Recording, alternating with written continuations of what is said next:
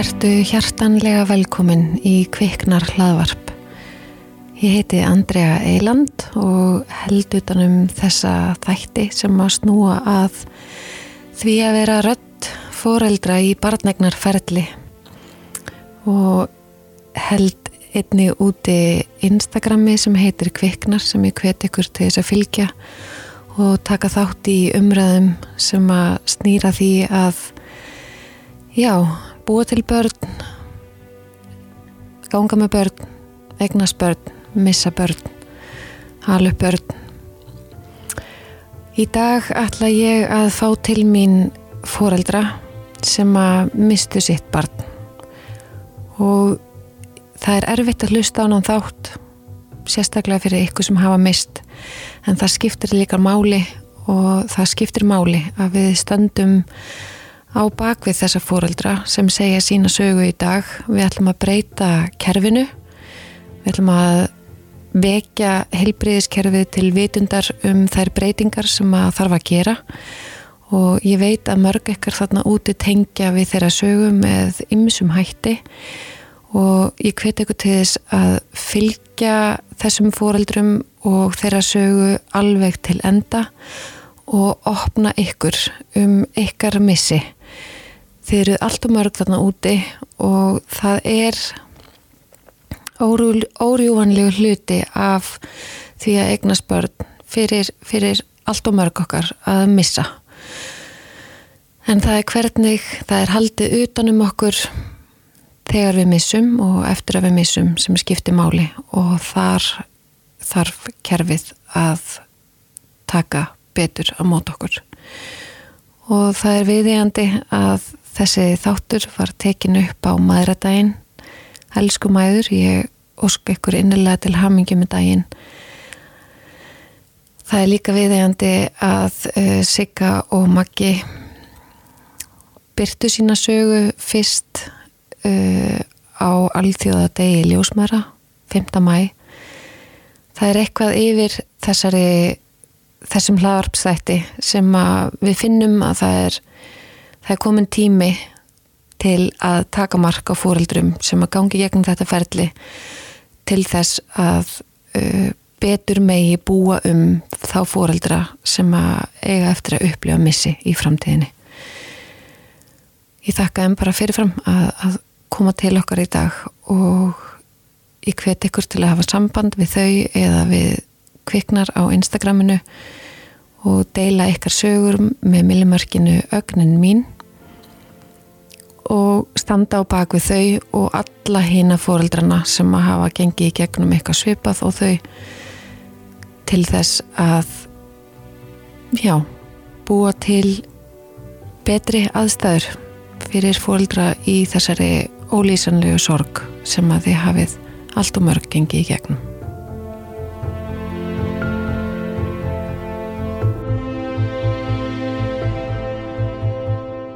Ég ætla að bjóða uh, Sigriði og Magnús eða Siggu og Magga hjertanlega velkomin til okkar í Kvikna hlaðvarpi í dag. Takk fyrir takk, að fá okkur. Takk fyrir. Hérna, við erum í raun og veru að hittast í fyrsta skipti. Við höfum aðeins talað saman Sigga í gegnum Instagramið. Já. Uh, út af dóttir ykkar sem að þið voruð að fæða fyrir tveimu veikum síðan núna á morgun. Já. Mándaginn. Mándagi. Sko, ég, ég veit að það hafa ótal manneskjur og fóreldrar verið að fylgjast með ykkur í fjölmjölum undarfarna, undarfarna vikur. Mm -hmm. Átakanleg sagan ykkar og, og bara, ég, ég veit að þetta rýfur upp sár hjá mörgum. Það verist sem vera að helbreyðiskerfið hafi ekki bara bröðust ykkur heldur fleiri fóreldrum og langt aftur í tíman. Mm -hmm. um, byrjum á bara byrjunni þið áttu von á ykkar öðru barni Já, okkur öðru barni saman Já. Já. Núna í endan ágúst byrjun september En það er stór fjölskylda, svona samsett fjölskylda Já, við áttum von á okkar femta barni svona í heldina Já, Já innan okkar innan okkar vekja, innan sko. okkar vekja sko. Já. Þannig að við erum bara svona allskonar mm -hmm. Sem er fallegt Já, mjög fallegt Já. að hann að blönduðum saman bara okkar fjölskyldum mm -hmm. En dóttur okkar átti semst að fæðast eins og segi í loka ágúst byrjun september. Já, og þannig að meðgangan var rúmlega hálnuð. Já, uh, síðan förum við, við reyndar byrjum á því að fara í bara frábæran sónar hérna á miðvíkudeginum uh, 20. og 1. mhm, apríl sem að kemur bara glimrandi vel út. Mhm. þá varst að hún síndi bara sína allra, allar bestur hliðar. Uh, voru þið saman í þeim sonar við, Ja. við fórum saman Já. og ætluðum okkur að náttúrulega njóta þess að horfa á hana saman. Mhm, en Ég þarna fekk ekki að fara með inn vegna þess að við vorum með eins og skamla dóttur okkar með okkur. Mhm, og, og bara var gefin svo skýring að hún geti tröflað vinnufriðin, þetta væri nákvæmnis verk og svona. mhm, sem er ótrúlega furðulegt ef við pælum aðeins í hvar við vorum veist, við erum á kvennadeild landsbyttilans Já. á fósturgreiningar deild já, þar sem að eru ekkert nema konur og væntalegu börn í heiminn og, og það er ekkert að þetta ætlist til þess bara að fólk eigi ekki fleiri börn, nei, er það nokkuð? nei Og dóttur okkar er einsás og var ekki með dagmömmu og ekki með leikskólublás. og þið búið út í landi Já, við búum út á landi þannig að ekki skiljum hann eftir út í bíl. nei, Þannig að Maggi var í rauninni bara sviftur því að sjá dóttir sinna í síðasta skipti bara lifandi og, og sína alla sína bestur hliðar. já, Og það er rosa sár minning. já.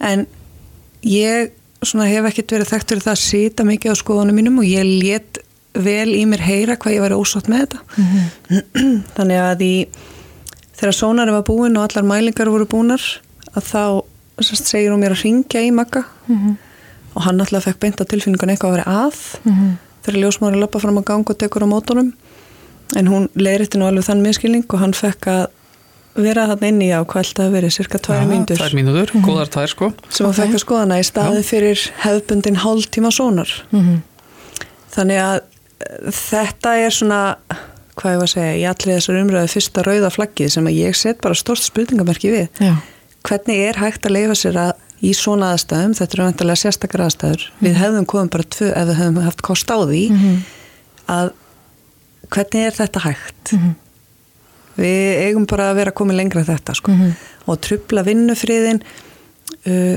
við hefðum aldrei setið bara rólega með hana grátandi eða argandi, þú veist, hún var með snuðið sitt, hún var með að drekka, hún var með til þess að maula á.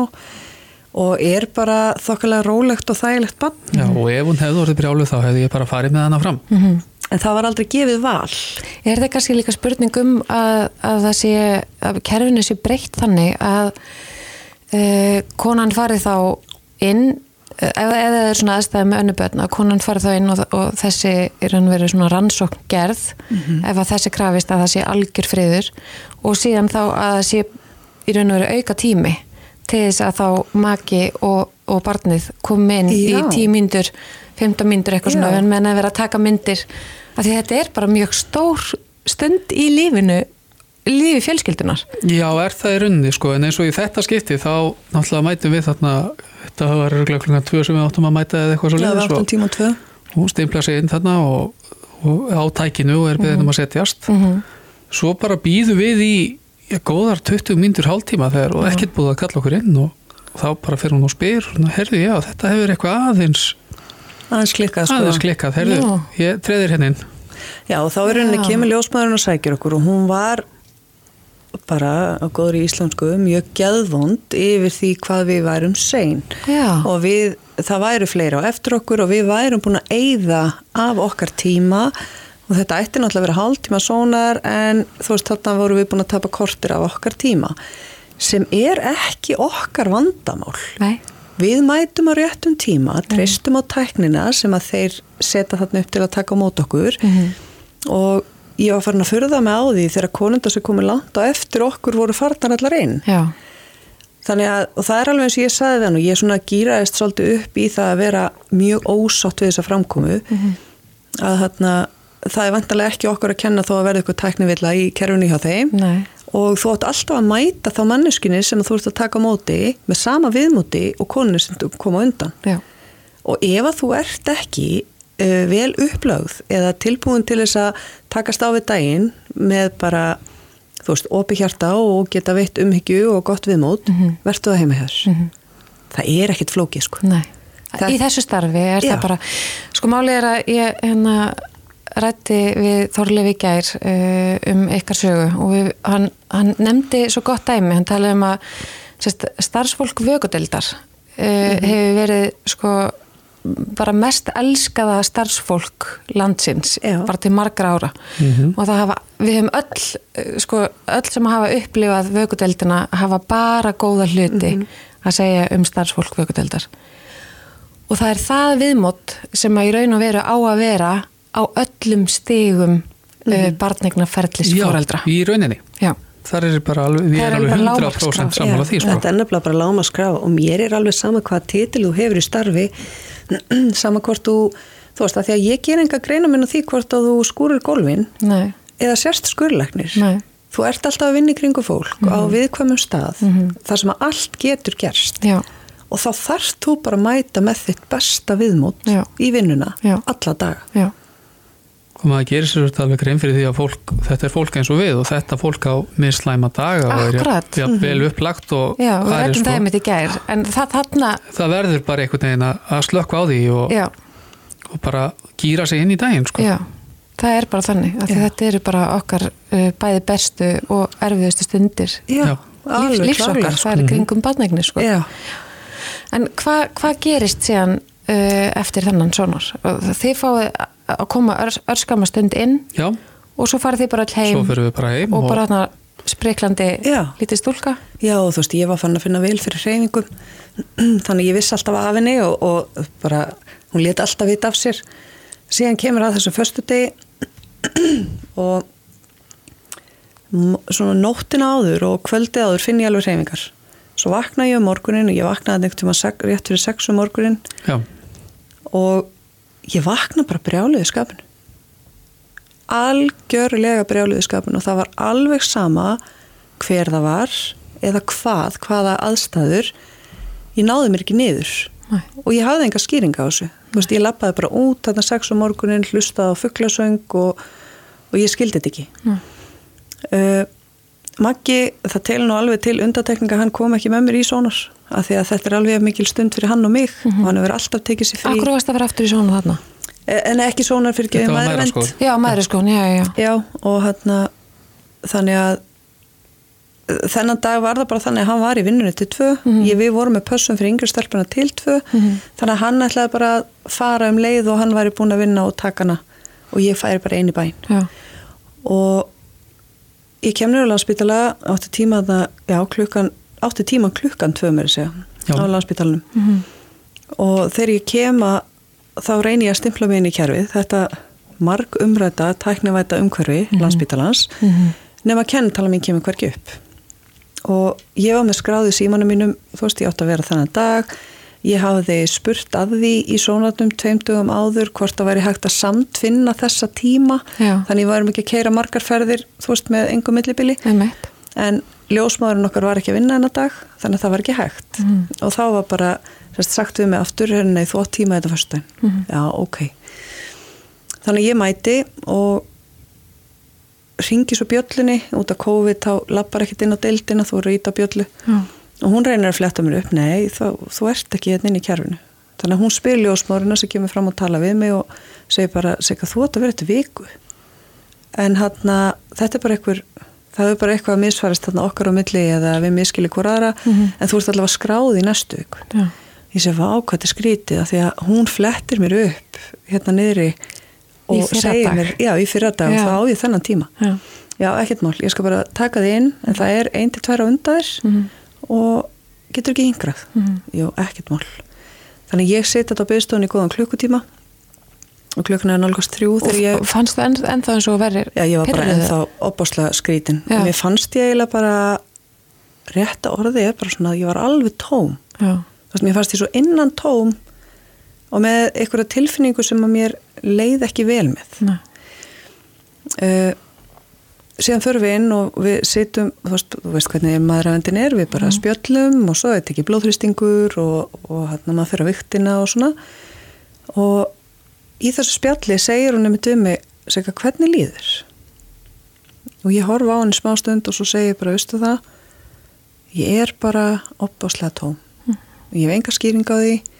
Uh, þetta er náttúrulega búið að vera erfiðari meðganga svona andlega heldur en síðasta því ég var svo líkamlega veik síðast. En núna vorum við bara nýbúin að flytja. Við erum með eins og skamalt bann mm -hmm. þú veist þetta er svona stór pakki. Þannig ég hef ekkert haft tíma til þess að leifa mér bara að njóta þess virkilega vera ólétt. Mm -hmm. þetta er búið að fljúa áfram. Við komumst seint að því að ég væri ólétt. Mm -hmm. þannig að þetta er einhvern veginn bara svona já, flög fram hjá okkur. En ég er opbúslega tóm. Og svo já, þú ert eitthvað ekki sjálfuðið lík svona ólíkir en hann að stíða á viktina og svo skulum við bara hlusta á hjásláttinn og, og svo les og það er svo mikil sigur þegar ég þingist á meðgöngu mm. og ég haf búin að þingist um alveg heil 900 gram og það var bara því litt gleði efni að því að ég var fleiri fleiri kílóum léttari á síðustu meðgöngu komin á steipurinn heldur en áður en ég var ólétt mm. þannig að það var bara svona já, það var bara gleðið með það við erum búin að ná alveg þessum heilu 900 grammum mm. Svo leggst ég á bekkin og hún byrjar að reyna að finna hjásláttinn og það gerist bara ekki neitt. Og við heyrum alltaf svona óm af fylgjunni eða, eða mínum hjáslætti og það var alveg sama hvað hún ítti og fór á annar stað og tókaði og potaði og það gerist ekki neitt. Þannig að hún segir, herðu við skulum fá sónar. Ég ætla að ná í fæðingalegni og hingraði bara þess og ég vissi það strax. Það bara það var, það var ekkit annars í konti greina þannig ég sendi makka skilabóð og segi bara að þær finn ekki hjarslátt og vilja senda mig svonar og að því ég senda honum þetta bara svona í SMS-i að þá var ég að vona það að það myndi bara sjá þetta mér einhvern veginn mhm. gafst ekki tími til þess að ringja mm. síðan kemur hún að sækja mig og við löpum inn á aðra stofu og þar tekur hún mótið með fæðingarleiknir og hún segir bara já, heyrðu, ég heyrði að það væri eitthvað vesen með sérst, að finna hérslátt ef við ekki bara kíkja hans á þetta mm. Og ég leggst á bekkin og hún síndi mér aldrei skjáin veist, það var alltaf svona haldið frá mér mm.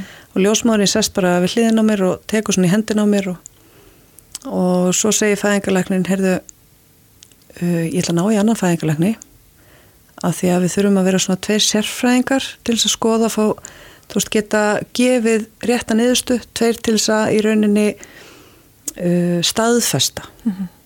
og svo fennum fram og ég set eftir staðfesta hvað? Mm -hmm. veist, en þarna vissi ég þetta alveg í hjarta mínu. Og ég held að ljósmáður mín hafi vitað líka því að hún sagði bara þú veist, segja þetta er alltaf læg þannig að við erum bara einna saman. Og svo kemur inn annar fæðingaleknir og segir bara beintu mig já, sæl uh, kynir sem er nafni og mér skilst að það sé eitthvað vandraði að finna hérna hérslátt svona kíkja setur svona tæki á það líða örfa á sekundur og þá kemur bara já, ég get staðfest þetta. Það er engi hérsláttur og ég svona set bara ég lág allan tíma bara stjörf og horð upp í loftið. Og ég næði svona einhvern veginn að kristja upp og mér ertu viss? Og þá snýr hún að með skjánum og stækkar myndina upp af henni alveg að hjartanu. Segir bara já þú sér það það er engin reyfing hér. Og breytir svo yfir á það sem að sínir rauninni hvað er þessi hljóðbylgjur eða svo leið sem eru sem það sem að sínir í rauninni bara blóðflæðið. í hjartanu, já, já. kemur blá og rauðmynd já, bara þú sér það, það er engin engin reyfing hér og svo í rauninni lítur hún svona yfir mig og fer að tala við sko ljósmaðurinn og hinnfæðingarleiknirinn að því ég segi, ég fann fyrir henni í gerðkvöld og í nótt. Mm. Og þá er rauninni fyrir að tala yfir mig og segja bara já þið sjáu það að þetta er ný skeið þið sjáu hvernig hún liggur? Þetta er bara ný skeið og þar með var hún farin. Og ég er svona það er eiginlega þetta lýs tilfinningu, eitthvað sem maður fær staðfest sem þú rauninni vissir af. Uh, þú bara svona flýtur í lausulofti og ég man til dæmis ekki eftir því að stíga upp á begnum og setast í stólinn við borðið. Og ljósun er enþá slögt og myndir af henni er enþá á sónartækinu og fæðingarleiknir segir, herru ég ætla að fara hérna fram sér, mér finnst það mjög leðilegt, ég ætla að sækja hérna nokkur gögn. Og við þurfum að taka blóðpröfu, veirupróf og þápröfu sem er mjög mikilvægt að við gerum sér fyrst. Og ég skildi það alveg, já, ok. Og meðan að hún fer og sækir þetta að þú veist, nú verður maður svolítið rugglaði svona akkurat í atbyrðarásinni mm -hmm. Ég man ekki hvort að það var semst eftir að bæklingurinn kemur jú, það er, já, ég ringi þig eftir hún kemur með bæklingi magi ok, held ég alveg öruglega af því að hún kemur með bæklingin og, og segir við mig að þetta sé allt mikilvægt og, og ég hún segir svo við mig hefur eitthvað hugsað út í krupningu en við verðum að Er þetta áður en að þú ert spurð bara hvar hérna makiðin er? Já. Eða hvort þú viljir. Ringja eitthvert? Já. Síðan ringi ég semst, svo segja þær við mig, viltu ekki ringi eitthvað? Jú, ég verð að ringi manni minn. Og hvernig áttu þú líka að geta svarað því hvort þú vildi krupning á þessum tímpúndi? Ég skil ekki. Það skilur það enginn. Og það er alveg sama hvernig ég hef talað við sem er sko uh, sérfræðimentaður eða, eða að vinna á þessu sviði eða innan þessara delta. Þetta, þetta má ekki. Við er, sko, þarna gleymist svolítið þessi mannlegi þáttur. Já. Hvernig ákona sem að einmitt, eins og ég hef sagt áður, var að huga að skýrn hjá dóttur sinni í þarna, óttabur, nóvambur, desember, að geta svara því hvort hún vil láta krifja Veist, ég, ég er bara rétt að reyna að taka utan um orðin, hún er dáin. Þannig að ég ringi svo í makka og hann var ekki búin að sjá þessi skilabóð sem ég sendi honum hann að fyrr. Þannig að það tók mig ábygglega góða mínútu að koma því upp og mér hvað væri rauninni að. Ég bara grét og grét og með ekkasog, þú veist, ég, ég bara emjaði í síman og hann alltaf endur tók bara aftur sig hvað er að, hvað kom fyrir, sig talaði við mig. Svo næði bara einhvern veginn að draga djúftin andan og, ég, og öskur gráta út úr mér, hún er dáin. Og þá náttúrulega bara brotna hann, ha, hvað ert að segja? Og ætlar náttúrulega bara að fara stað mm -hmm.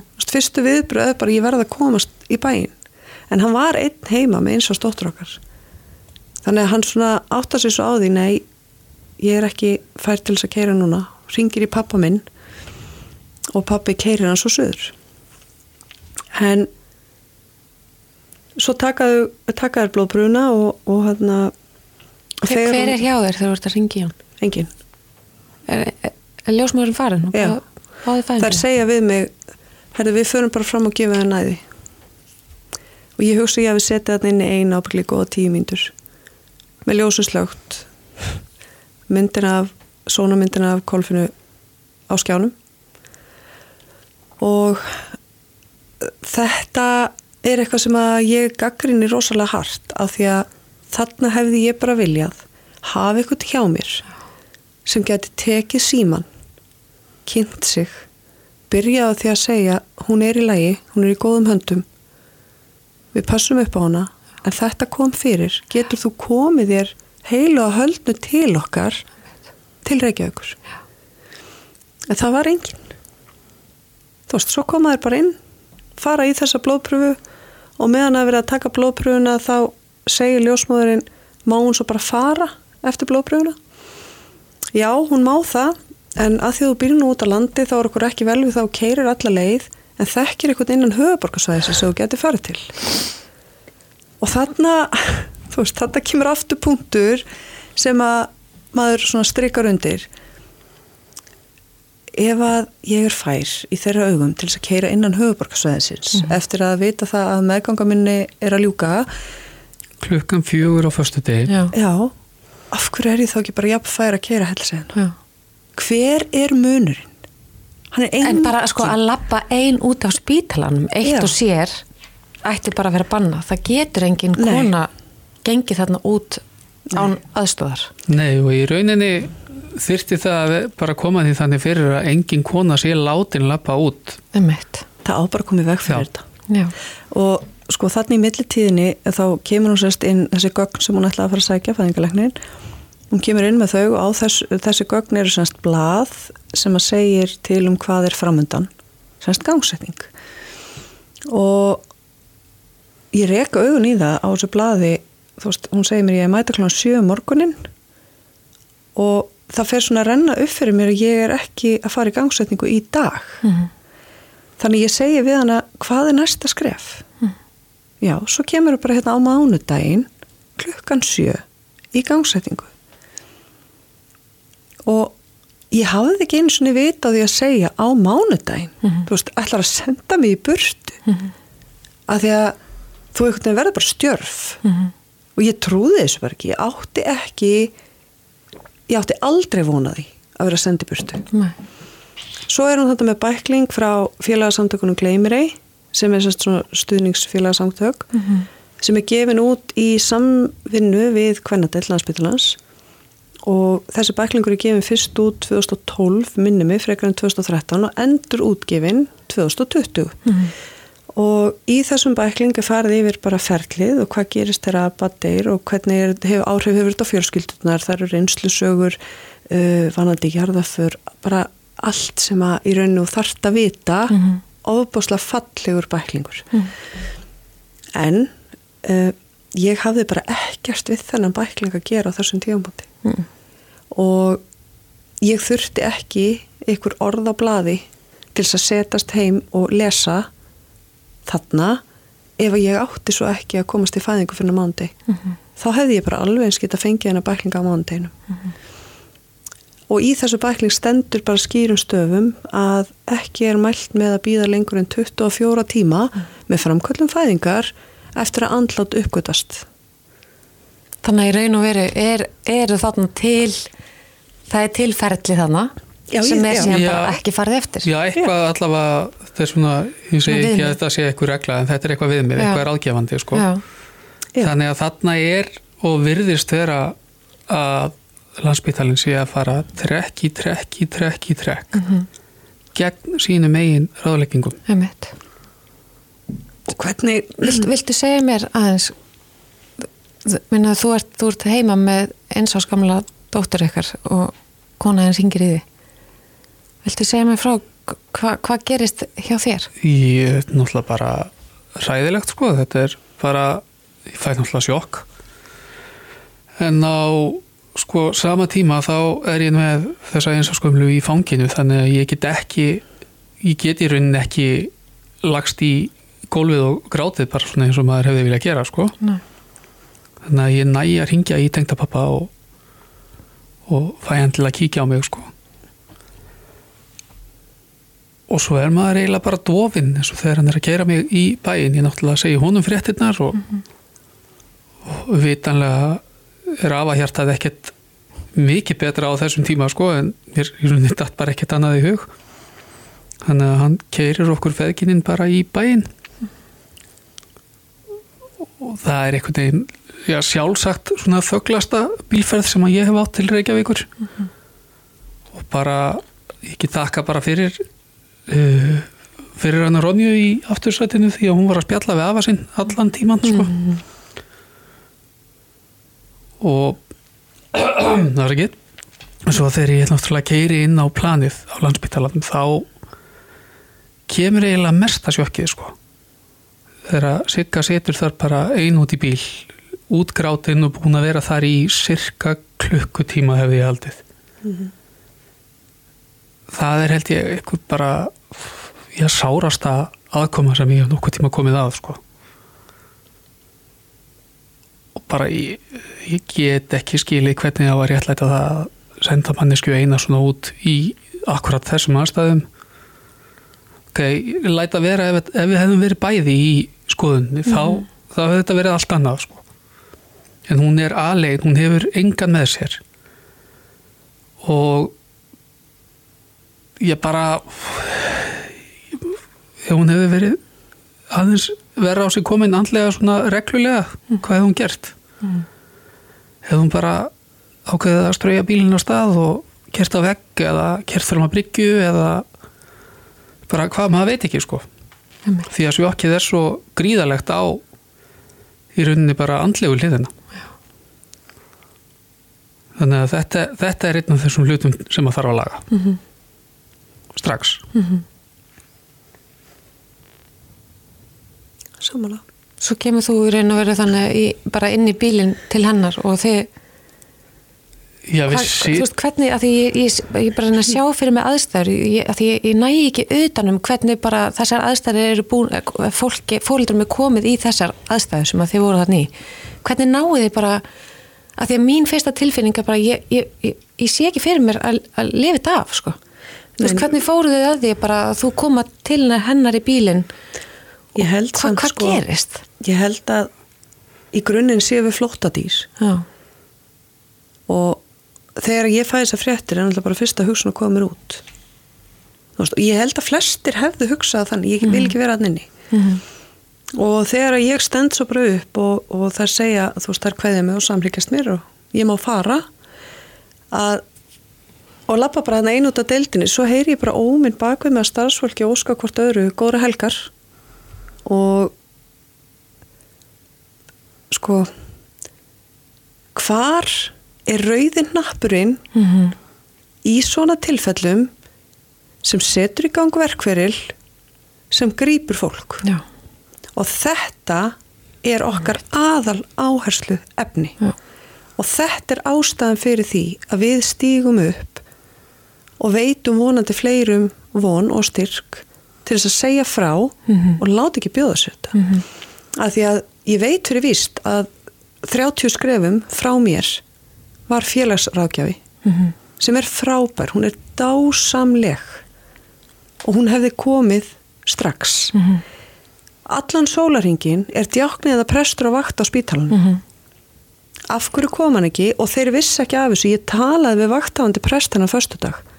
Hann vissi að hann var ekki látin vita. Af hverju um leið og talaðar við hann daginn eftir Já, á sko, á laugardeginum. laugardeginum. Já. og af hverju um leið og þetta uppgötast er maður ekki bara tekin út úr þessu herbergi? Já, það er farið og ég veit fyrir vist að spítalunum er fullt af fallegum fjölskyldaherbergjum já, sem taka utanum fólk. Uh, það sem að þarf að færa erfiða fréttir. Fara þannig uh, kalla til einmitt prestin, félagsrákján, ljósmóðurinn og þá fer í gang þessi áfalla hjálp sem fólk þarf. Síðan hefðu við byggð eftir að í þessu tilfelli Maggi hefði komist söður og hann hefði fengið sama utanumhald. Já, að því að við erum sendandi burtu ég sit út á bílastæði klukkutíma.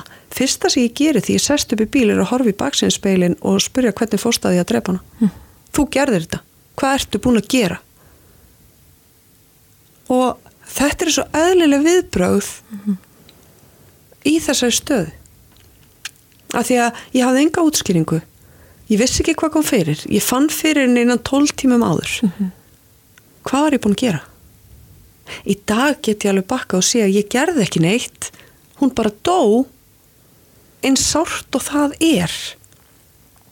En að því að það greip mig og okkur engin fór ég þangað. Og þessar hugsanir alla þessa helgi átu mig upp að innan. Já. þú veist borðaði ég eitthvað vittlust uh, reyði ég mig vittlust hvað gerði ég vittlust það var engin e, e, hvoru í fæðingalegnin eða ljósmáðin sem að sagði þessi orðiði nei, þú, þetta er ekki þér að kenna. Þú Nei. gerðir ekki drangt. Ekki orð. Og þegar við erum að keira í burtu þú veist þá erum við bara stjörf allar leiðin austur. Og það sem ég fór í gegnum hausuna mér allan tíman var það að ég fann fyrir henni manum ég viss hún var þarna. Allar reyfingar sem ég tók fann ég fyrir henni reyfast og svo kom bara hugsunin. Hún verður batni sem afsannar þetta. Hún er ekki dáin. Þetta eru mistök. Ég finn fyrir henni. Og svo allt í einu bara svona var eins og að vera í banka á aukslina nei, Sika, þetta er ekki alveg svona. Hún er dáin.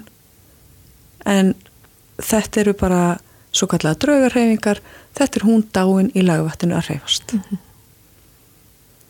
og þetta er náttúrulega galið og af hverju fáum við engin verkfæri í hendurnar til þess að segja foreldrum okkar sískinum okkar og síðast en ekki síst börnunum okkar? Já, við hefum þrjár stúlkur á úlingsaldri og ég á eina stelpu uh, fórstubann eða sem stjúbann uh, sem ég ætlaði til dæmis að hitta þennan dag. Ætlaði að fara til hennar um leið og ég væri búin í maðuravend og það bara reyfi mig niður að geta ekki fara til hennar og ég gati ekki sagt henni þetta ég ringdi pappinar og bað hann um að gera og þarna átti bara einhver að vera búin að taka utanum okkur og vera tilbúin að hjálpa okkur. Mm -hmm. af því að hvernig útskýrið þú fyrir nýju uh, tæplega 11 og 12 ára batni mm -hmm. Að sýstið er þessi dáin hún er samt ennþá inn í maganum hún kemur út á morgun en svo er þetta bara búið Já. svo ætlum við bara að fara að finna stað í kirkjugarðin mm. -hmm. þetta er þetta má ekki Nei, þetta má ekki og þarna kemur upp þessi ofbáslega reyði sem að er búin að vera í bland við sorgina Mhm. Sem gerir það að verkum að við erum hér í dag Já, af því að við höfum öll vel val um það hvernig við ætlum að nýta áföllin okkar Mhm. og reyðin okkar Mhm. og við ætlum að nýta hann svona Mhm. af því að ég mun gera allt sem ég get Mhm. og banka þær hörður sem ég þarf til þess að fá þessu breytt Mhm. og við höfum passað okkur á því að vera einleg að vera auðmjúk við erum ekki að kenna einhverjum um, fari persóna árósir eða mannásmorð Mm. en mér finnst ekki til ofmikis ætlast að heilbriðiskerfið okkar fari ekki í helgarfrí þegar umræðir líf eða dauða. Mhm. af því að við svo sannlega stjórnum því ekki hvenar það bankar upp á. Uh, það á ekki að bytna okkur að dóttur okkar dóa á föstu deg og ef að við hefum verið með blæðandi sár ef ég hefði verið fótbrotinn eða með skurða höfðinu þá hefði ég verið meðhöndluð. Og mér hefði ekki verið hleyft í burtu fyrir það að væri búið að búa um það sár. En að því að þetta sérst ekki þetta er bara inn í mér þá má ég bara bera þetta þennan þunga bakka með manninu mínum börnunum okkar og ættingjum í fjóra daga þá til ég kemst í gangsetningu og að því, eh, sko, málið er að þið, þið og eh, í raun og veru það sem er enn verra við ykkar uh, sögu er að þið eru ekki eini í þessu. Þið eru ekki eina fólkið. Nei, Nei, það nú- er já, þið eru búin að fá send, sendar ótalsögur. Alveg ótalsögur sko. og maður ekki, já, með við þessar sögur sem maður hefur séð og bara frá já, sérstaklega konunum sem er að skrifa sko. Feðurnir eru minni því að skrifa tilbaka sem að er bara eðlilegt held ég sko því að við erum að reyna að breyta því Já, en- En við náttúrulega sko, það er náttúrulega bara staðarind að við tengjumst ekki batinu á sama hátt og Mhm. þegar það er í móðurkviði en við gerum okkar besta. Mhm. Að, það er til dæmis eitt, eitt komment sem að ég sá eitthvað staðar í natúarsendi færsluna var að þarna, mér finnst ég bara að vera heppin að hafa lendið svo með ykkur deg. já, hugsa þess já, og þetta er bara brent inn í hjartamans já, mér finnst ég vera heppin Já. Því að ef það er fimmtudagur eða föstudagur Mhm. þá, já ég tala nú ekki um lögadagur eða sundagur, þá einhvern veginn þá er svona, já já, þú þú mátt bara býða. já Við, ég fekk hérna sögu frá einni konu inn á kviknar sem að uh, misti á miðvikudegi og við látum býða til mándags. Já, það, er svolítið, það er náttúrulega alls það ekki Fimm dagar sko. Já. Þannig, að það, það er eitthvað virkilega rangt. Ég hafði samband við hérna lækni eftir að við töluðum saman uh, og hún sagði að uh, það ætti í raun og veru að sko ferðlarni verið þannig að foreldrum væri bóðið að fara heim ef þau vildu til þess að átta sig á sko þa- það væri svona það sem að hún Já. ha hafi unnið eftir og vissi Já. til þess að það væri unnið eftir þannig að það er greinilega vantar eitthvað mikið Mhm. upp á uh, samskipti og ferla og fara eftir þeim Já. og síðan emmitt líka bara þetta mannlega, þú ert með þrjár manneskjur hérna Mhm. í þessu áfalli sem að þú færð að vita án makaðins að hafi gerst og það eru þrjár manneskjur alveg, ok, burt sé frá öllum verkvöldum þú veist, er það ekki bara manneskjur sem að ættu að Akkurat. taka utan um þig Já. sem aðra mannesku Já, og og, segja bara- bara ekki, ég er ekki fara að láta þið vera eina í þessum aðstæðum með þessa Já. sorg með þetta áfall Ver, við erum bara gott fólk já, þú veist, að- þetta er ekki það. flókið Nei. og hún, ég fekk svo frábært símtali gær frá semst, uh, hún er uh, formaður formaður ljósmannfélags já. Íslands hún heitir Unnur Berglind Mhm. og mér þótti opaslega vænt um þetta símtal Mhm. Af því að hún hefði heyrt að þessu sögu og hafði lesið pistilinn og Mhm. hún var bara algjörlega með þessu og hún er bæði sár og reið yfir því að þetta hafi skeið Mhm. og á sama tíma svo þakklátt fyrir það að við skulum vera að tala um þetta Mhm. en það voru svo margir hlutur sem stungu hana svo fast þú veist, uh, samtalið um krupningu Mhm. Uh, hvað gerist eftir á Mhm. uh, hvernig utanumhaldi var Mhm. en síðast en ekki síst mannlegi þátturinn Mhm. og eins og ég sagði við hana ég ger alveg grein fyrir því að álæðið á starfsfólk sé mikið, þú veist, það er fjársvelti það er, uh, þú veist, vinnutímatir eru bara galnir, Mhm. það er of lítið af fólki, það er búið að taka yfirvinn af fólki Mhm.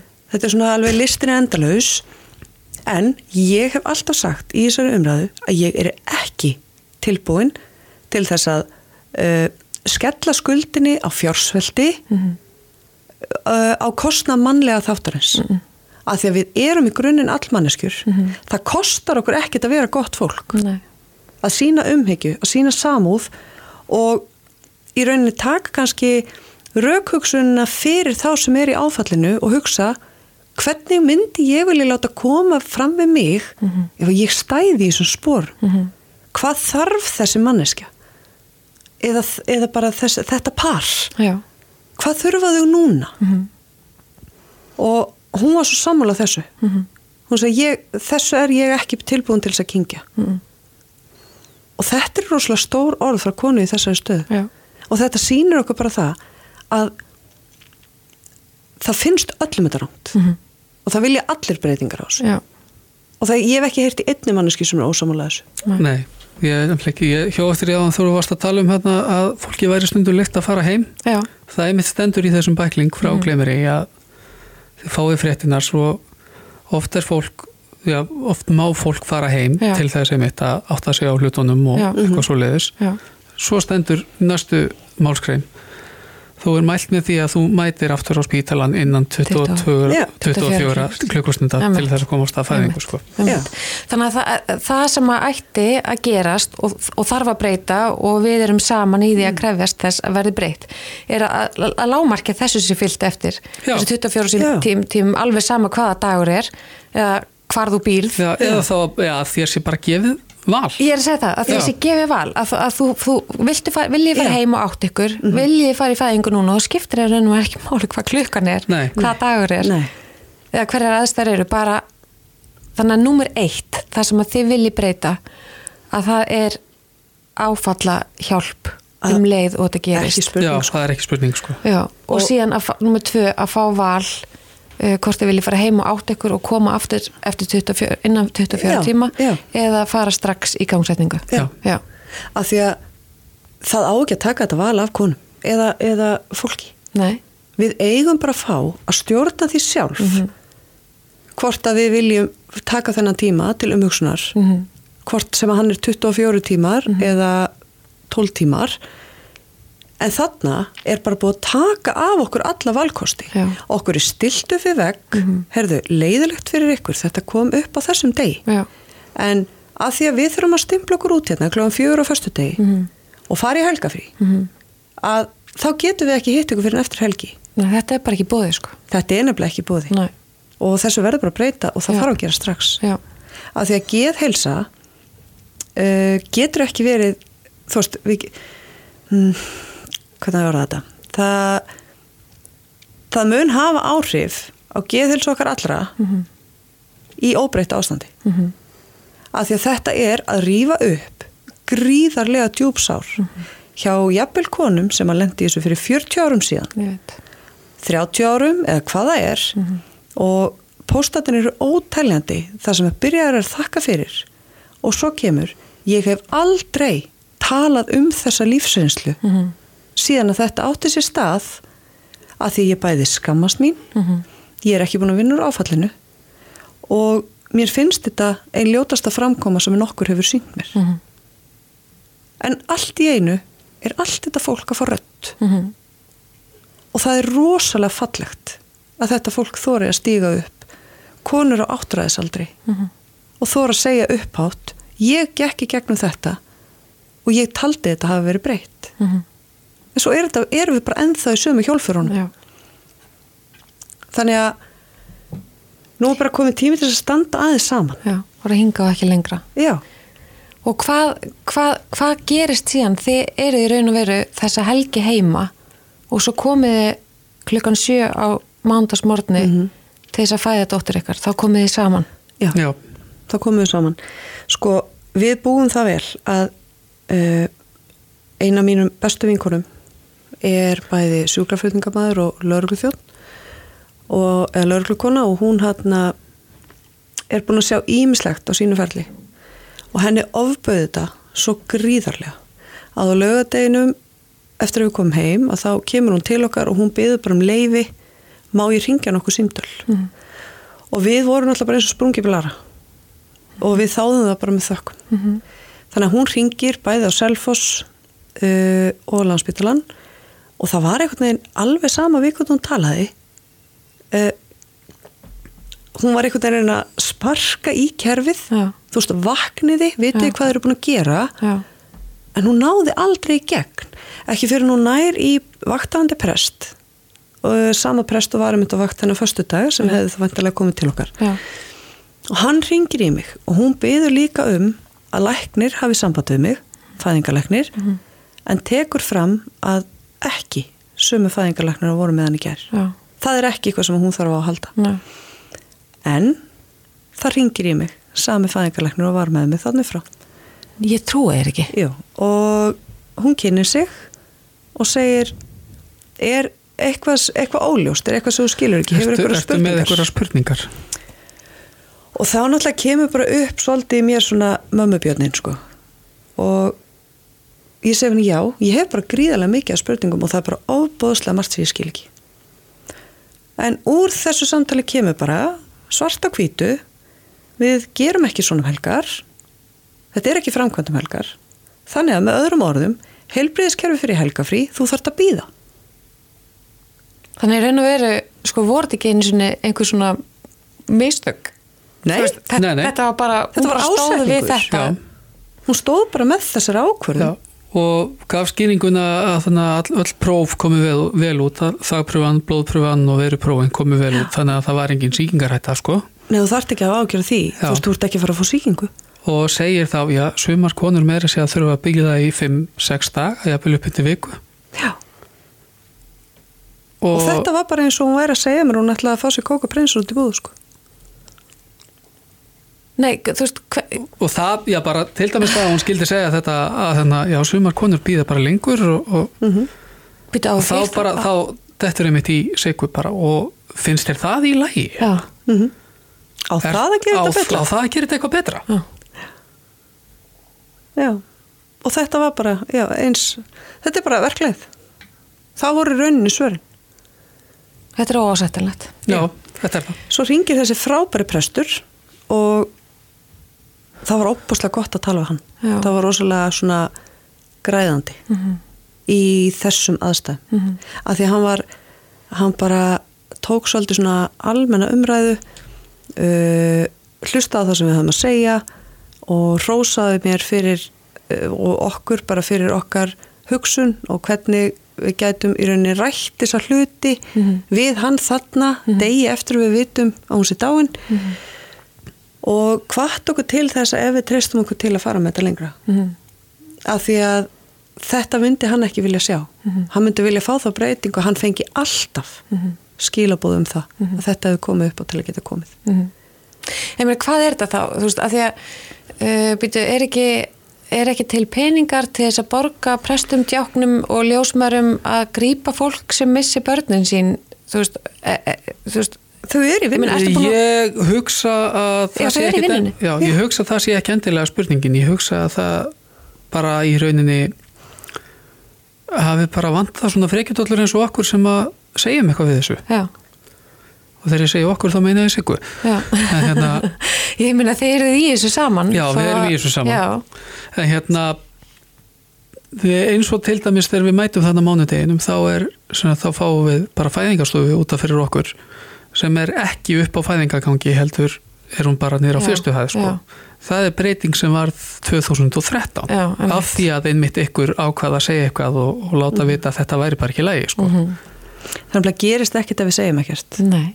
Og við þurfum bara að vera duglega að segja nákvæmlega þessi orð við okkur. Mhm.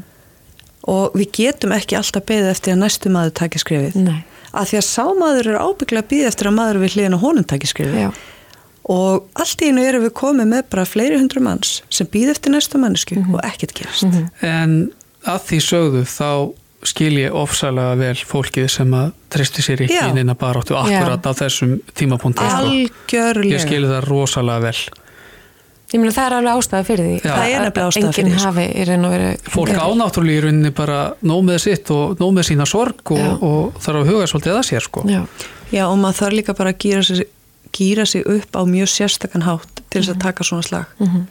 Og ég er mjög stolt af því að við höfum getað það. Já. og að við séum ennþá standandi uppi. Ég í rauninni held líka að þetta sé bara hreinlega að hjálpa okkur svolítið mikið í, í okkar sorgarferðli sko. já, Já, algjörlega. Og svo erum við náttúrulega bara svo óbúslega rík af dásamlegu baklandi. Mhm. og við höfum bara veist, ættingjar okkar og vinir okkar veist, foreldrar okkar. Þetta eru bara magnaðar einstaklingar. Mhm.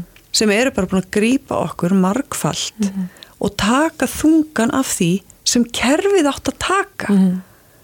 og að horfa á pappa minn, mömmu mína sýsti mína, tengda pappa tengda mömmu. Allt þetta fólk er búið að gráta. Sko þungum bara krókudíla tárum úr sorg og reyði yfir bæði missi og þessari framkomi og að þetta er í raun og veru áfall ofan í áfall. Að Þetta er það sko. Það er það. Og sko þennan sunnudag áður en við förum upp á fæðingadeild að fá eldri börnun okkar heim sem voru með hinum fóröldur sínum bara til þess að segja þeim svona ömurlega fréttir. Þær koma bara kátur að klæðar inn og mér leið í alvörinu eins og ég var að leiða þær í gildru. Mhm.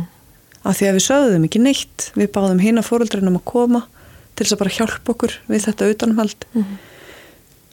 Og ég hugsa að ég muni aldrei gleyma hljóðunum í börnunum þegar ég stundi þessu upp. Og það eina sem ég gæti sagt var bara þið viti að lífið getur oft verið óbúslega ljótt og sýnir þessu ljóta hlýðar og við höfum alveg fengið að sjá þær. Og við erum að sjá það aftur núna. Og við fórum til læknisins eins og þið vitið og þá kom bara ljósa hjartaðinu kolfinu er hægt að slá. Og ég mun aldrei gleyma öskrólan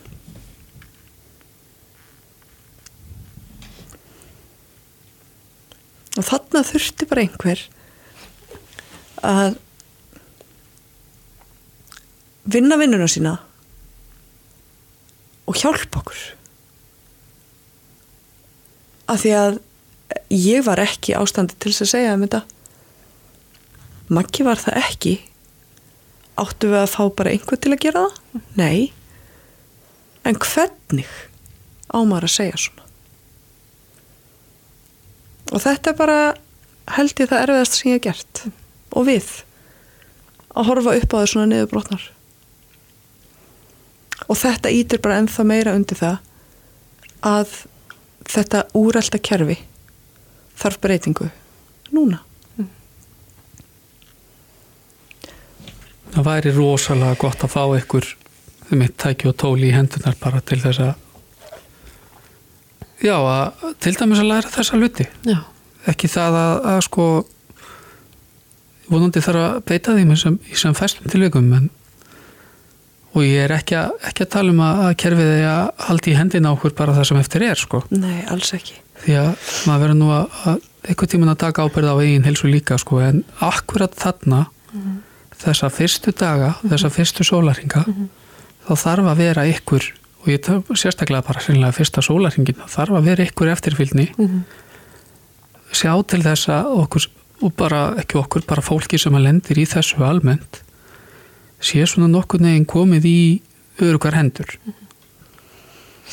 Hvernig sem það hverja sem þær hendur eru. Já og að þeim sé leiðbend að því svo hugsu við líka Já. um fólki sem að til dæmis á ekki svona góða að eins og þið Akkurat Já, hefur engan til að grípa sig Það er fyrst og fremst það sem að ég hugsa oft á tíðum um því að við erum Já. gríðarlega heppin Já. með bakland og fjölskyldu og allt sem því fylgir. Já, Já, og svo vitum við það bara að það er fullt af einstökum konum Mhm. þarna úti Mhm.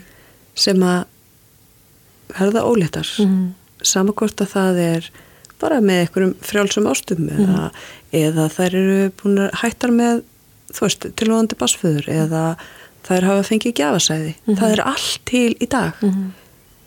En það er eiga bara þetta eina bann og er missa þetta bann hálnaður á meðgöngunni. Mhm. hvað þá? Og svo erum við líka að tala um fólki sko, sem er búið að, til dæmis að reyna í mörg ár að Akkurat. eignast barn orðið órætt í fyrsta skipti Já. og við erum að tala um alveg fólk sem missir sko, alveg í raun og veru bara líka að fara á fyrstu vikunum Já, já. að því að við, þú veist sérstaklega þau sem að virkilega langar í barn eru búin að ákveða eiga barn og jafnvel eins og ég segi að reyna að eiga- eignast barn lengi mm -hmm. orðið ólétt og missir þau, þau, þau eru ekki bara sko, að tala um eitthvað fóstur þau eru að tala um barnið sitt langþráð barn Já. Já, Þannig að alveg frá viku bara þarna fjögur, fimm Bara Já, frá og upp í síðan rauninni 40 sko. og eitthvað Já. þegar þetta gerist líka. Þetta, þetta að þarf, að þarf að vera bóð, öllu þessu fólki þarf að vera bóðið samtal. Þarf að vera bóðið eitthvað, þú veist, hvað Já, já og utanumhald. sko, nú bara spyr ég hver erum við að draga línu Já, hvenar við megum syrkja einmitt. það, hver eru við að draga ykkur að línu fyrir fólk að það álítið þetta sem fóstur upp að vissri viku.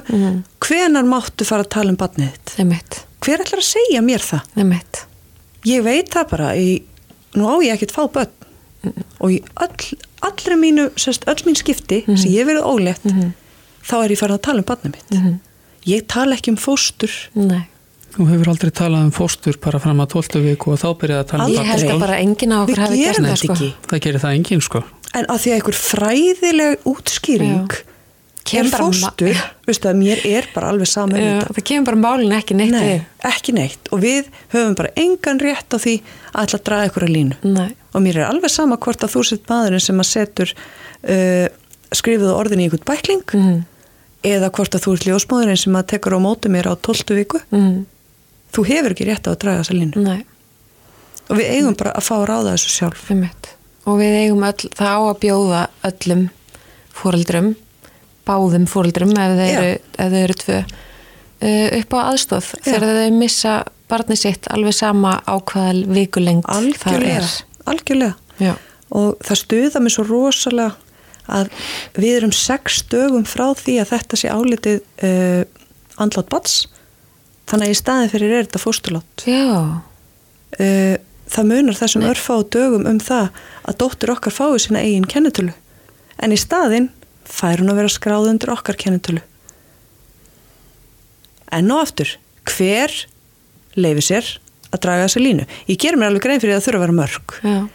en ég get alveg lístin í kolfinu Mm. hún var eins lítið full, fullkomið barn. Mm. og hægt er. Hún var 20 cm minni en sýsti sín þegar hún fættist hún var með fullkomnar iljar og fótspor. Mm. hún var með litla putta kom með fingrafur ha, hún var með varir, hún var með góðum, hún var með litla tungu. Hún var komið með augabrúnir. Hún var með þetta allt.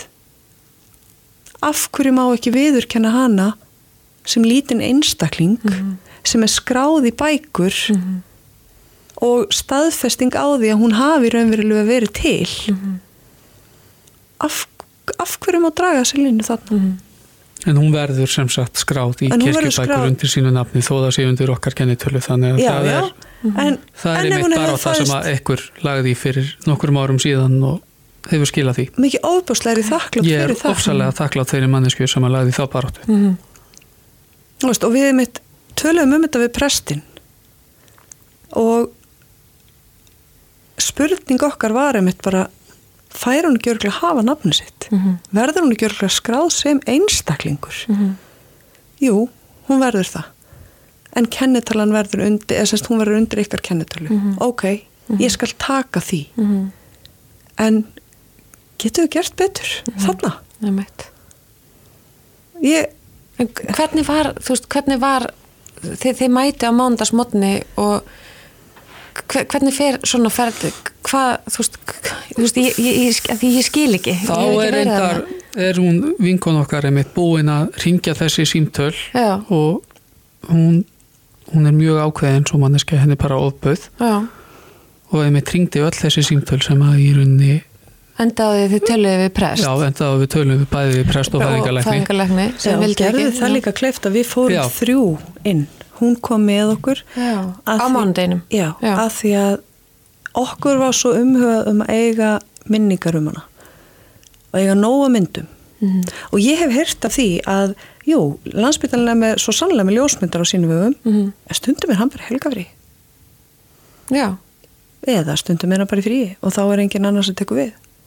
Og þá getur, er hægt að taka myndirnar á morgun eða taka þér setna þú veist ég var ekki tilbúin til að treysta á þetta næ og okkur langaði bara að hafa eitthvað sem við vissum að væri með gott auga Mhm. og væri bara þarna eins og fluga vekk þú veist við vissum ekki af henni Mhm. en hún náði ógleymanlegum augnablikum Mhm. fyrir okkur til þess að taka með okkur Mhm. en, En já, þarna á mánudeginum þá er sem sagt mjög vel tekið á mót okkur Mhm. og það er mjög vel hugsað um okkur svona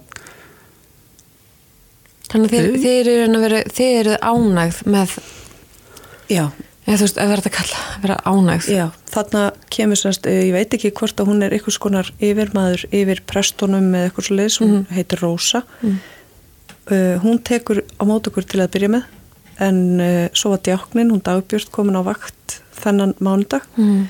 Og presturinn sem var á vaktinum helgina var búin að sérst, láta dagbjörstu vita á hvað var búið að ganga á. Hún vissi af okkur, hún vissi um söguna og allt svo leys Mhm. uh, svo tekur á mótur hvernig frábær ljósmóður já, alveg dásamlega ljósmóður og maður verður líka að má ekki gleyma í öllum þessum stormi að tala um það sem vel er gert. Já. Einmitt. og í rauninni nú, nú gungum við í gegnum þarna þrjár ljósmaður af því að þetta tók alveg rétt rúmlega sólarhing að vera já, þarna. Já, og þar voru allar yndislegar. Já og vildu bara allt fyrir okkur gera sko, dásamlegar konur. Mhm. og það vissu allir af okkar ástandi. En Kristínar stofa e, semst fæðingastofan sem við vorum á þarna niður á fyrstu hæð þetta er opbóðslega falleg stofa. Mhm. þú veist, þetta er ekki eins og venjuleg fæðingastofa það er ekki baðkar og það er ekki svona allt til alls, það er ekki monitorar eða að því að það þarf náttúrulega væntalega ekki í þessu tilfelli. En þú ert sem samt sem áður úta fyrir þig. Mhm. og nú hef ég áður eignast andanabann það er árið 2009 komin tæpa fimm mánuði. Mhm. og sá sérst, eh, þetta var frumborðurinn minn og, og þetta var drengur og hann var alveg opbáslega fallaður þannig að í rauninni urðu við enda meðgönguna. Og ég þurfti að fæða hann upp á fæðingadeild eins og svo margar konur hafa lent í áður og að taka töflu til þess í rauninni að enda meðgönguna upp á fæðingadeild þannig að meðan að ég var að taka töflu til að enda mína meðgöngu voru börn að fæðast í næstu herbyggjum síðan komum við inn og við fáum fæðingastofu við deilum klósetti með konunni í næsta herbyggi sem er eignast heilbreiðabatni sitt. Mhm. svo fæðist hann, við förum heim og þá löpum við samhliða öðrum út sem að er að fara með unga sinn heim með við erum tómið Mhm. og ég var alveg búin að ákveða og segja það við maggaðið mitt og við vorum búin að ræða þetta. Ef að ég verð, ef mér verði vísað aftur upp á fæðingadild þá brjálast ég. Mhm. af því að það, það á enginn að þurfa að gangi gegnum. Þannig að þarna ætla ég alveg að hrósa fyrst og fremst þessari Kristínu. Mhm. Sem að er, hvað sagður hún ekki? hún var, hún var handbóltakona í val. Það stóð þarna á skilti við stofuna. Mhm. og vaktiði mitt aðtekla á þessu árið 2013 Já, ef ég mann rétt. Já, það allavega stendur að stofan hafi verið opnuð 2013 já. Og nefndi höfuðið á henni og mér finnst þetta svo fallegt. Þarna, þarna var bara einhvern sem var ekki sama Já. og hún bara fekk þessu breytt. Og einhver sem hafði sama baráttu þrek og þið já, í raun og veru að, að hérna, já, berjast fyrir breytingum. Já, en þannig mánda bara fá, förum við þetta inn í þetta herbyggju og það er hugsað mjög vel um okkur Já. og ég ætla líka alveg að koma því inn á að þennan dag meðan að við erum að býða eftir að fæðingaferlið í rauninni hefjist Mhm. af því að þessar gangsetningatöflur geta tekið langan tíma Einmitt. að þá kemur til okkar bæði félagságjafinn, Mhm. djáknin og svo er sérst ljósmaðurinn okkar sem er búin að fylgja okkur síðustu meðgöngu og þessa sem var með okkur þennan umrætta föstudag. Hún byður um að fá að hitta okkur líka. Og mér þótti og þykir alveg ofbásla vænt um það að hún hafi komið. Að því að ég talaði við hana bara eins og ég er að tala við þig. Mhm. og við sögðum henni bara hvað okkur þættir hónt og hvað, veist, og veltum bara upp þessu spurningum, veist, má þetta en hún er bara það mikil manneskja að hún viðurkendi mistök sín Mhm. og hún gat bara sagt þarna sé ég strax hvað ég gat gert öðru sig Mhm. hverju ég þarf að breyta og mér finnst það svo mikilmannlegt Mhm. af því að við höfum ekki heyrst frá reynum öðrum Mhm. við höfum ekki heyrst frá fósfósmönnum landsbítala uh, bara engum Þannig að í raun og veru í öllu þessu, öllu þessu kastljósi sem að þið hafa verið í undarfartna vikur, þá hefur landsbytalan ekki haft samband við ykkur. ekki einu sinni. Við höfum bara heyrt frá ljósmóðurinni sem er líka búin að ringja einu sinni eftir að við komum heim Mhm. og félagsákja. Jú, og svo náttúrulega Dagbjörg Djákni, hún er búin að vera að hjálpa okkur við semst í andra, að, aðdragandi En í raun veru jarðarfars. enginn sem getur, veist, breytt og tekið ábyrð, Nei, það er, það, það er þeia. þeir þeia. Og bera bara fyrir sig fárlegum en afsökunum. þá allavega sko. En þá. Já, Við skulum sjá hvað Þannig ég, ætla, gerist. ég, ég, ég vona að þegar að þessi þáttur kemur í hlustun að það verði, það, það, það verði breytt. En, en þetta er bara oflöng þögn. Þetta er allt og lög. Þetta eru tvær vikur, sko, þetta er of, þetta er of mikið. Já, Þannig að, en, en, en svo, svo Þá- veit ég að þið eru, fyrir ekki ég ætlaði að segja að það væri til dæmis bara ef að þeim myndi bara segja herðu, þetta er bara ferill sem við þurfum að skoða og Einmitt, það strax væri orðið eitthvað sko. já, já. það var eitthvað annað heldur en þetta staðalaða uh, við tjóðum okkur ekki minnstök mál en uh, veitum en skoða þjónust og við getum og já, Fyrir alla okkar 120.000 Já. skjólstæðinga. já, einmitt. En við erum ekki að kræða, sko, það er þetta með að tjá sig um einstök mál. Mhm. Þeir þurfa þess ekkert. Nei, En þeir geta tjáð sig um staðlaða, verkferla Mhm. og í rauninni bara hvað gerist það innan hús. Mhm. Þeir geta tjáð sig um af hverju þeir kjósa að vinna svona. Þa, það er fullt af hlutu sem þeir geta talað um þó að það sé ekki einstök mál. Af því að þetta er ekkit sérstaklega einstök mál lengur. Þau Nei. eru bara alveg ofbúslega já, mörg. Þau eru bara ofbóðslega mörg nefnilega sko. Þannig að þetta á bara ekki eins og við. nei. En þið eru samt búin að hafa samband við uh, helbæðisáðara. Já. Já, hún eiginlega meira hafði samband við okkur Já, Já. eftir að við setjum inn þennan pistil að, að ég, við setjum hann inn bara hérna rétt fyrir minnati og strax áttum morgunin Mhm. fáum við skilabóð frá heilbríðsáðara Mhm. og mér finnst það bara rosalega flott Mhm. og þá sagði mér það að hún ætlaði sérst að sérst báðum leifi til þess að hafa samband við landsbytalan um okkar mál Mhm. sem er bara vel og sem er bara gott Mhm. Eh, við höfum ekki talast við um þetta Nei. eftir það en ég sá sérst á Rúf að, að Rúf kom með frétt þess efnis að heilbyrðisáðra væri búin að tala við Pál Mhm. og landsbytalan Mhm. þannig að nú bara býði ég eftir því að heyra frá Svandísi Mhm. og til þess að ræða hvað, hvað fór þeir á milli um okkar mál og hvað í rauninu þau hyggjast gera Mhm.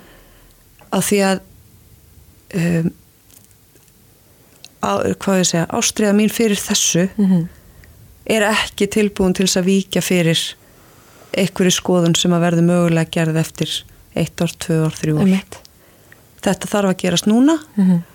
og mér þætti rosalega vænt um það að fá staðfestingu þess efnis að það verði gert. Mhm. vegna þess einfallega að það er bara það er bara gangur lífsins að að fóreldra missa börn á meðgöngu Mhm. bara oftar heldur en við gerum okkur um og, og bara eiginlega mjög, mjög oft Mhm. er, er það tilfellið Mhm. og það er bara eiginlega er ekkert fleiri fóreldrar að þurfa að fá að upplifa já, ég vil eiginlega kalla þetta bara þetta kalda viðmót Einmitt. Nei og það á bara því að ekki að það gerast. sendir það út ekki í, í rauninni ennþá meira sjokki heldur en heldur en sko basminsirinn sjálfur er í raun því Já. að það er alveg nógu mikið álag sko. Já. Já og þetta snýst bara um að, að hana, nú það bara stíga svolítið upp, sína valdi sem maður hefur, Mhm. sem er í höndum þessa ráðamanna Mhm. og yfirmanna, að því að þau svo sannlega hafa það valdi í höndunum að geta breytt þessu. Mhm. Þetta snýst bara um að vilja það Mhm. og ætla sér að gera það Mhm. og mér og það finnst... þarf ekkert að setja þetta í ykkur að nefnd sko. Þetta eru bara mjög einföld Já. atrið sem þarf að breyta og það þarf að gerast strax Og þetta eru bara svona lámarskröfur sem að við sem bara þjóðfélagstegnar gerum já, til heilbreyðiskerfisins okkar. já, Af því að þetta er kerfi sem við verðum að treysta á Mhm. og eins og er, er það tröst algjörlega brotið. mm að því við skulum heldur ekki gleyma því að uh, kerfið þarf á því að halda við eignum spörn Já, já, já, já, já. Þannig að það að halda utanum fólk sem Já. eignast börn uh, andlega uh, veita þeim stuðning er eitthvað sem að þarf að gera til þess að fólk haldi áfram að eignast börn og bara líða vel með það og komast í gegnum allt Já. þetta ferli hvort sem að barnið í raun og veru kemst á legg eða ekki Já. já. þetta Svo meðum bara við heldur ekki að gleyma því að mæðuravend landsbytarans er svona neyðarúrræði mm. skilur við, þannig eru konur sem er í áhættu meðgöngu Mhm. að upplægi mm. annars eru það ljósmaðurnar og, og mæðuravendin á heilsugjæslastöðunum og, og ég er að keira utan á landi til þess að vera í ma- áhættu meðgöngu mm. mæðuravend hjá landsbytarunum af hverju? Uh, þetta byrja náttúrulega eftir fyrstu meðgönguna því að drengurinn er svo fallar Já, um mitt svo heldur þetta áfram, svo síðustu meðgöngu þá er ég bara svo ofbóðslega veik. Já, og ég eldi í nýju mánuði. Og allt upp í 20 sinum á dag, þú veist, Já. þetta var bara galið. Þannig að ég held náttúrulega bara eðlilega áfram hjá þeim. Já, og mér finnst bara ég sem skjólstæðingur landsbytalans og með þær meðgöngur sem ég á að baki þá finnst mér ég bara geta krafist þess að ef að eitthvað kemur upp á og sem betur fer fram að þessari meðgöngu var ég heppin og pæli hvað er galið að segja heppin. Mhm. uh, að allt gekk vel og ég egnaðist heilbrið börn. Mhm. en ég ætla bara að krefjast þess að það sé betur tekið á þessu mál Mhm. og að það sé gengi í það að breyta þessu. Og ég veit að sko máli er náttúrulega þegar eru að tala þó að ykkar saga sé einstök og, og mm kolfina uh, í raun og veru fæðist uh, með þessa sko, já, bara tvo foreldrar sem eru bara í baróttu hug að breyta kerfinu og, og hún er vafalaust stolt af ykkur frá, frá þeim stað sem hún er og lifir í hjörtanum ykkar og, fjölskylda ykkar bara um ákvæmna tíð. Að þið eru að berjast fyrir alls konar sögum. Uh, margra fóreldrar til dæmis bara hjá kviknar samfélaginu sem að hafa delt þar inn á sögu Já. af missi og hvernig kerfi hefur brugðist uh, þeirra andlega áfalli að Já. missa börni sín alveg sama hvaða vikulengt það er. Að, þetta er bara þið, þið eru náttúrulega bara orðin málsvari þúsundir einstaklinga. Já og ég er bara algjörlega til í það verkefni. Já, við getum alveg tekið það á okkur sko. Já, að því að svo er líka bara eftirleikurinn. Uh, Kolfina fæðist einu myndi við tvö aðfara nú þriðdags uh, við fengum að njóta þess að hafa hana hjá okkur til, tí, til cirka Já, til níu morguninn. níu, hálf tíu morgunin eftir. En það sem að gleymist til dæmis þá þú veist, og mér finnst rosalega leiðilegt af því að uh, þá tekið svo vel á mót okkur og allir vild okkur vel og ég held að þarna séu bara algjörlega mannleg mistök. Og þarna vanti tjekklistan sem við erum búin að vera að tala um. Þú veist, að það sé farið eftir verkverðlum og þeim sé fyllt. Uh, hún fekk til dæmis enga kælivöggu nú? Nei, nei. Og ég er bara viðkjöna ég áttaði mig ekki á að byggja um það. Nei, ekki ég heldur í rauninni sko. hvernig ná maður líka já, ok. Já, En Þannig ég að er fólk á að, náttúrulega ekki að vita það. Nei, nei, Nei. ég er að hugsa um að, að skrifa þetta bara á einstök mistök sko. já, og vona það. Já, vona ég líka. Þú veist, en, en uh, og ég, ég ég er þakklátt fyrir það að það eru við sem eru með þessa reynslu. Mhm. þú veist, að þetta, þetta bætist það bara ofan á okkar. Mhm. að því ég vill frekar bara taka þetta á mig. Ég er í þessu Mhm. heldur en að dreifi svo aðra. Og hugsanlega gæti það líka hafa glemst af því að við í rauninni báðum bara um að fá hann í fangið strax. Mhm. ég held að venja sé sko að þau séu tekin og það sé búið fallega um þau svo farið þau til fóreldra en ég þverr tók fyrir það áður hún fættist þið takið hana ekki. Ég vil fá hana beint til mín alveg um leið. Þannig að það getur vel verið að það hafi líka spilað svolítið inn í en þá getur maður alltaf litið á tjekklistan heyrðu það vantar x við þetta. Ég þarf að laga það. Uh, þegar við förum svo heim við fáum náttúrulega dásamlega fótspórafinni fullt af fallegu myndum. Þú veist, fengum að kissa hana og knúsa hana og, og skapa bara dásamlega minningar. Við sopnum bæði með henni. Og, veist, og það, þetta er mikilvægt. Við kallum djáknan til og við letum nefnana og áttum bara svona fallega stund. Kemur aldrei upp svo hugsun, nei, þú veist, Mhm. hún, að hún bara vakni. Jú, oft. Þetta er ekki búið og það kom bara rosalega oft í ferlinu. Það er raunin eins og þegar hún er þarna sko, þó hún hafi verið lífana og dáin þá var hún samt alveg ofpáslega lifandi fyrir mér. Mm. Já, þegar ég var með hana í, í tréfökunni og eins og segi, ég sopnaði við hliðin á henni og já, þetta var og það er rosalega dýrmætt Já. Þú veist, það er eitthvað sem að situr eftir í hjartanu og er bara rosalega mikilvægt en svo þegar við förum heim þá fáum við náttúrulega útskrifta pappira og, og fáum að vita í framhaldinu sem sagt uh, uh, þá tóku við þessa umræðu um krupningu til dæmis sem var svo ónöðsynleg þennan förstu dag að við semst ákvaðum að þykja krupningu af því að og það er ábygglega bara algjörlega einstaklisbundið en ég held bara að allavega tala fyrir mig að ég er það aldrei ég, ég myndi alltaf hugsa hvað ef Mhm. ef ég hef ekki þegið það Mhm. Upp á að fá að vita eitthvað Mhm. að því ég vissi að öll próf komu vel út Mhm. En ég meina að því að krupning er gerð eftir að barnið er fætt. Já, já, Þannig að svo spurning á í raun og veru ekki fara fram veginn sko á sama tíma og þú færð að vita að barnið dáið. Engan Þannig að veginn, sko. þetta er bara svo að það sé á hreinu að því að við tölum ekki um það þarna í byrjun. Akkurat og við gerum okkur alveg grein fyrir því að á einhverjum tímapunkti þá verður spyrjum það sko. Já. það Já. er hérna ekkert sem við finnum af því þannig séð sko. Nei, en það hefði bara mátt staðstund sko. Úr því að við þurftum Já. að býða í fjóra daga þá hefði þessi spurning líka mátt býða í fjóra daga algjörlega sko en svo erum við í rauninni bara sendt heim já, og þá gleymum við svolítið svona mikilvægum þætti sem að gerist bara hjá öllum kvendýrum Mhm. eftir þau eignast afkvæmi, allavega spendýr Mhm. um, við förum að mjólka og Var enginn múin að tala um þetta við? nei Nei. og ég er ekki frumbyrja Nei. og ég er sko, ég væri afurð að hæsta beljan í fjósunu Já. án Eva og þú veist, þegar ég eignast dóttir mín á 2010 þá tölur ljósmaður um það hvað er vildu óska þess að væri ennþá þannig að konur mættu láta mjölk ganga Já. til fyrirbörana Já. að því ég á svo mikið til Mhm. og erum við bara heiðgölan brott og þetta er bara, já, nóg til Mhm.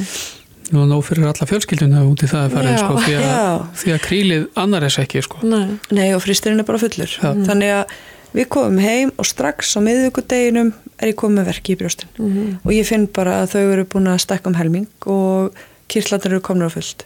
Á fymtu deginum er ég hægt að geta haldið eins og stóttrakar, ég get ekki faðma manni minn, ég get ekki látið koma við mig. Mhm. uh, þarf að íta í rauninni frá mér eldri börnunum. Mhm. á föstu deginum er ég bara að verða lasin. Mhm. og þú veist, brjóstin á mig voru kassótt í Og læginu hugsa, ég held að fólk átti sig ekki á þessu uh, vegna þess að við erum alltaf að tala um sko bönni að liggja og örfa og, og þú veist en ég þarf enga örfun sko. já, það er ekkit allar konur sem að þarfa eitt Nei, örfa þetta- í Nei, sko. og þarna var sko, já, eins og ég segi maður sér fyrir sér kringljótt fallegu brjóst Já. mín voru ekki þar sko, þau voru eins og legokupar Já. og grjóthörð uh, ég á alveg sögu um að fá stálma og síkingu og mjölka Mhm. bara blóði mamma mín þurfti, það voru skorin upp í brjóstinu henni út og svo heftalegri síkingu Mhm. þannig að þetta er alveg þekkt hjá mér og mínum Mhm. en þetta var aldrei rætt Nei. En svo kemur bara svona smá himnasending þannig að þennan föstu dag þá ringir í okkur ljósmáðurinn okkar bara og vildi fá vita hvernig fæðingi gekk, hvernig okkur liði, hvernig mér liði Mhm. og líkamlega og þá segi ég við hana að því hún spurði geti ég gert eitthvað fyrir ykkur. Mhm.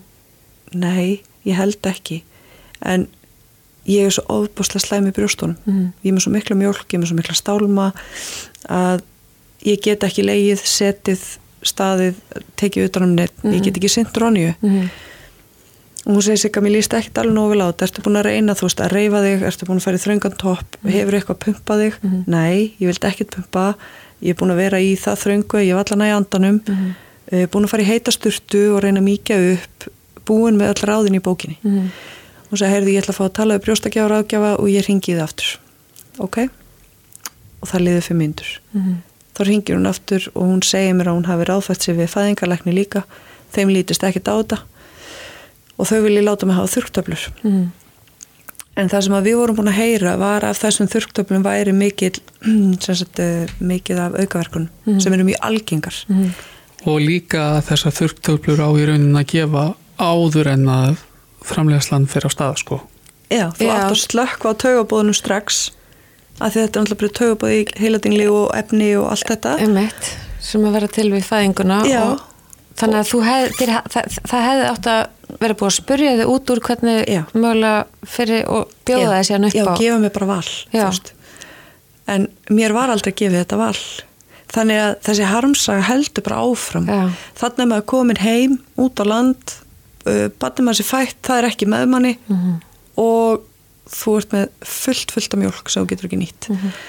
sem er í rauninni enn einn bara áminningin Já, Já, þannig að við, ég tek það ákvörðin að þykja þessar töflur þráttur aukaverkanir, við vorum búin að kynna okkur þetta og lesa þetta deginum áður og aukaverkanir eru til dæmis geðdeifð sem að í rauninni má ekkit við því að bæta við á þessum nýjambúndi. Nei. Það getur verið magaverkir, uppköst, uh, svo er það sérst, mikla drömfarir og yfirleitt fer það yfir í martræðir og það hrætti mig eiginlega mest að því að ég svaf eiginlega ekkert þessa daga og var, fekk ekki með mér sveftöflur heim, mér var ekki búið neitt ég var að mynda að velta því fyrir mér þarna á föstudeginum sem sem að þið fáið að vita að barnið eitthvað sér dáið Já. er eitthvað ekki bóðin heldur nein, meni, ég fékk ekki ekki sko. róand Já.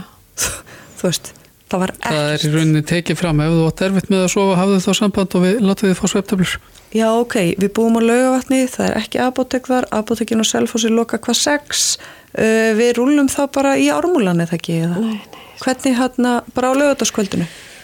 Ó, ég, veist að ég, ég held að sé, ég sé ekki eina konan sem að sko, svona brenn innan í mér Já. Að hlusta á sögun eitthvað sko ég, en Nei, þetta er nefnilega bara svo, það er svo margt, það er svo margt enda já, er það þarf greinilega að taka allt þetta ferli í gegn. Já, og það í, ekki bara í samræði við ljósmaður og þennan pál þarna sem að, ráða einhverju Einmitt. bara með fyrir veringu fyrir því að hérna heldur við- í saminu við fóreldra Já. þá er einu bara að taka ykkur á fund og fleiri fóreldra Já. sem hafa lent í svipum Já. hlutum og það þarf að hugsa þetta allt saman upp á nýtt. Já og ég meina ég er vel tilbúin til að setjast niður með þessu fólki sem að gera niður eitthvað skipulega og verkferðla, bara nei, bætið þið hér inn í. Já, Þú veist, dragið úr áherslinu hér, Já. eins og til dæmis að ræða krupningu já, og bætum inn í þarna. Mhm. og ég skal mæta eins og ofta á fund með þessu fólki og það þarf og hjálpa þeim við þetta ef að það verður til breytinga. Og ég, og ég þarna vil ég líka nefna sko að þegar þið farið á hann fund og ég veit að þið eruð að hugsa það en uh, báðir fóreldrar þurfa hjálp. Já. Akkurat. Alveg eins og bara í mæðraskoðunum báðir fóreldrar þá og spurja okkur alltaf bæði ef við erum Já. tvö eða tveir eða tvær hvernig líður þér? Já. en þér. Já, því ég, það er búið að gera okkur svo reyði í þessari umræðu að sko Maggi, hann er eiginlega bara svona áhangandi með mér Já. en hann er það ekki Nei, ég meina, hann bara átti til- bara fullan þátti því að búa hann að kolfinu til Já. og lagði bara jafn mikið að mörgum og ég þar Mhm. hann á jafn mikið í henni og þó að hann gangi ekki með hana Mhm. að þá er hann minn fulli stuðningur allan tíman Mhm. við liggjum saman upp í rúmi og ræðum okkar drauma og vendingar þetta, er, þetta er hans barn. Já, hann, hann var að missa sitt á barn. hana. Það er akkurat hannig og ég vil bara þeir séu viðurkendir jafn mikið og við sem foreldri. Af því að það er alltaf sniðgengi framhjá þeim. Þetta er alltaf mæður að vend. Jú, ok, það er verið að venda okkur sem mæður.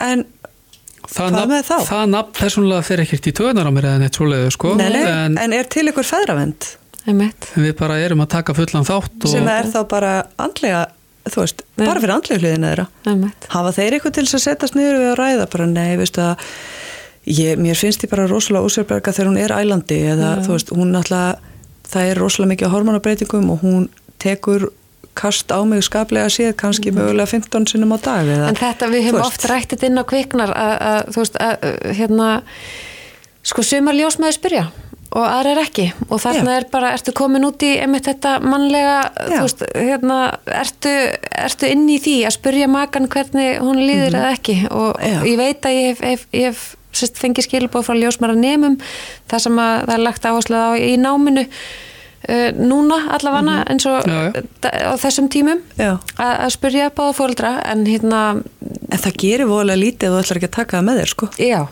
það er síðan málið Ég einhvern veginn hef bara þá trú í hjartanu að heilbreyðiskerfið okkar er bara uppfullt af góðu fólki sem að vill vinna eftir bestu mögulegu verkferlum og Já. bestu mögulegu getu. já.